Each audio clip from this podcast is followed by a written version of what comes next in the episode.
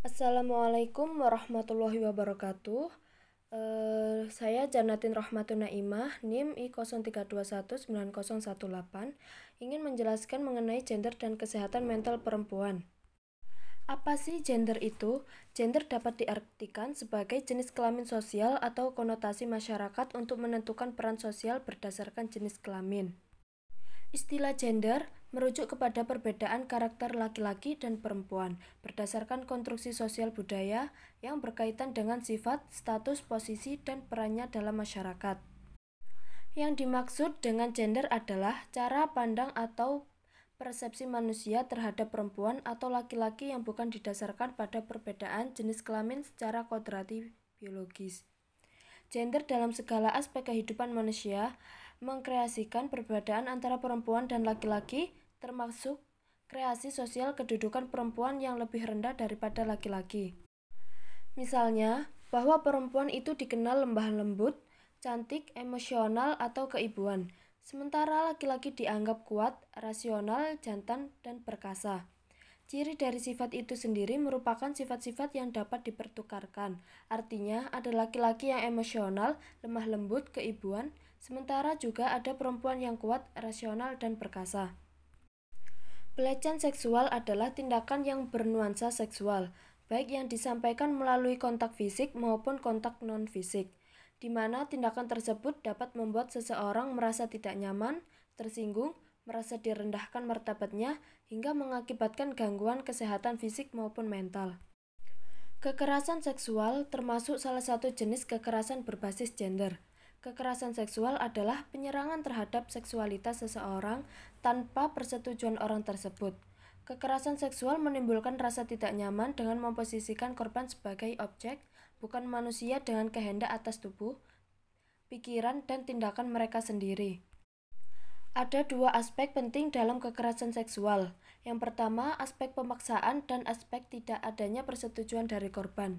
Yang kedua, jika korban tidak atau belum mampu memberikan persetujuan, misalnya kekerasan seksual pada anak atau individu dengan disabilitas, pelaku kekerasan seksual tidak terbatas gender dan hubungan dengan korban. Artinya, tindakan berbahaya ini dilakukan oleh laki-laki maupun perempuan kepada siapa pun termasuk istri atau suami, pacar, orang tua, saudara kandung, teman, kerabat dekat, hingga orang yang tak dikenal. Kekerasan seksual bisa terjadi di mana saja, termasuk di rumah, tempat kerja, sekolah, maupun kampus. Meski siapa pun bisa menjadi korban kekerasan seksual, perempuan paling banyak menjadi korban. Anggapannya bahwa perempuan inferior karena jenis kelamin dan gender mereka menyebabkan perempuan lebih banyak jadi korban kekerasan seksual. Contoh kasus kekerasan seksual yang berdampak pada kesehatan mental perempuan yang ada dalam film 27 Step of May. Film ini menceritakan Mai, seorang perempuan korban pemerkosaan yang harus melawan trauma kekerasan seksual. Saat berusia 14 tahun, masih mengenakan seragam sekolah, Mei pulang dari pasar malam dan menjadi korban pemerkosaan di perjalanan pulang. Sejak malam itu hingga delapan tahun setelahnya, Mai tidak pernah mengucap sepatah kata. Mai bahkan tidak mau keluar dari kamar, apalagi rumah, bahkan saat rumah tetangganya sedang kebakaran. Setiap hari, para perempuan korban kekerasan seksual seperti Mai menghadapi trauma dan stigma negatif dari masyarakat yang kerap tidak berpihak pada perempuan. Jika ketidaksetaraan gender dibiarkan, ketimpangan kuasa antara laki-laki dan perempuan bisa melenggakan melenggangkan kekerasan seksual dan merugikan kehidupan korban. Hmm, karakteristik karakteristik per karakteristik per, perilaku pelecehan seksual dinyatakan sebagai tindak pidana. Dengan demikian mengandung perbuatan yang dilarang dan ada ancaman sanksi pidana bagi pelakunya.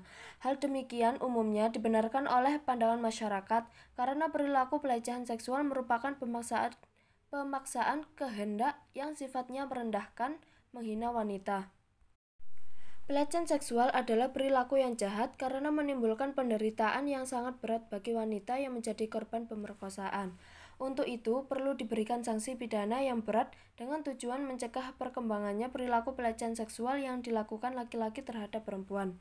dan memberikan balasan yang setimpal terhadap perbuatan yang dilakukannya sehingga jerah atau tidak melakukannya lagi.